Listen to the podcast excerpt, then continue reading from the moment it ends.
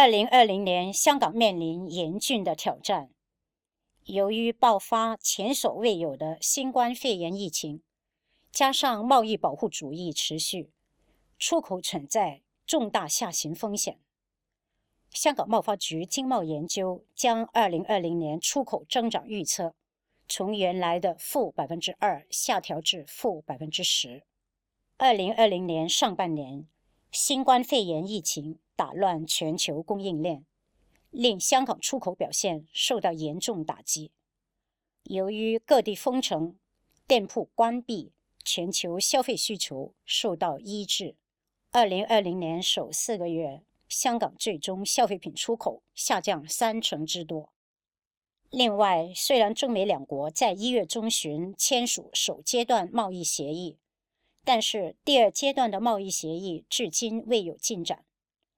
中美贸易纠纷短期内未有解决迹象，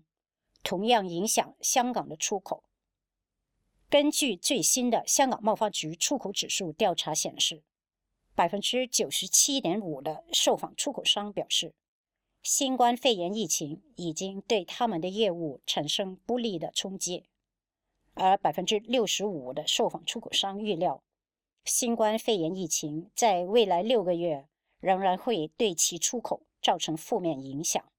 同时，百分之八十二的出口商预料，二零二零年的销售总额和二零一九年相比，将会下降超过百分之十。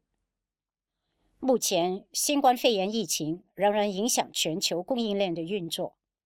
而贸易保护主义也促使不少公司考虑重新安排采购网络。甚至迁移生产线返回本国生产。美国及日本的政府都表示支持该国企业的生产线回流。尽管全球供应链的重组需要时间，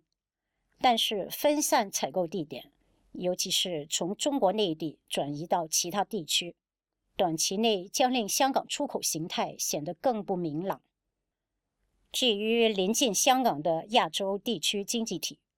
出口表现也同样疲弱。二零二零年头四个月，香港出口比上年同期下降百分之八点一；中国内地出口比上年同期下降百分之六点四，而日本、南韩出口比上年同期也分别下降百分之九点七和百分之八。自新冠肺炎疫情在二零一九年年底爆发之后，已经迅速影响超过二百个国家及地区。国际货币基金组织在四月预测，假如疫情在下半年消退，全球经济在二零二零年将收缩百分之三，但是可望于二零二一年反弹至增长百分之五点八。发达经济体的增长主要受到封城影响。至于发展中经济体，还会面临外部需求冲击、全球金融形势趋紧和大宗商品价格暴跌带来的压力。美国最近宣布将会取消香港特殊待遇，令香港对美国的出口蒙上阴影。虽然美国还没有公布细节，但是预计即使美国对香港出口征收更高的关税。对香港出口到美国的影响不大。香港出口到美国的产品超过百分之九十八属于转口，这些转口产品并不会受到美国对香港产品征收关税的影响，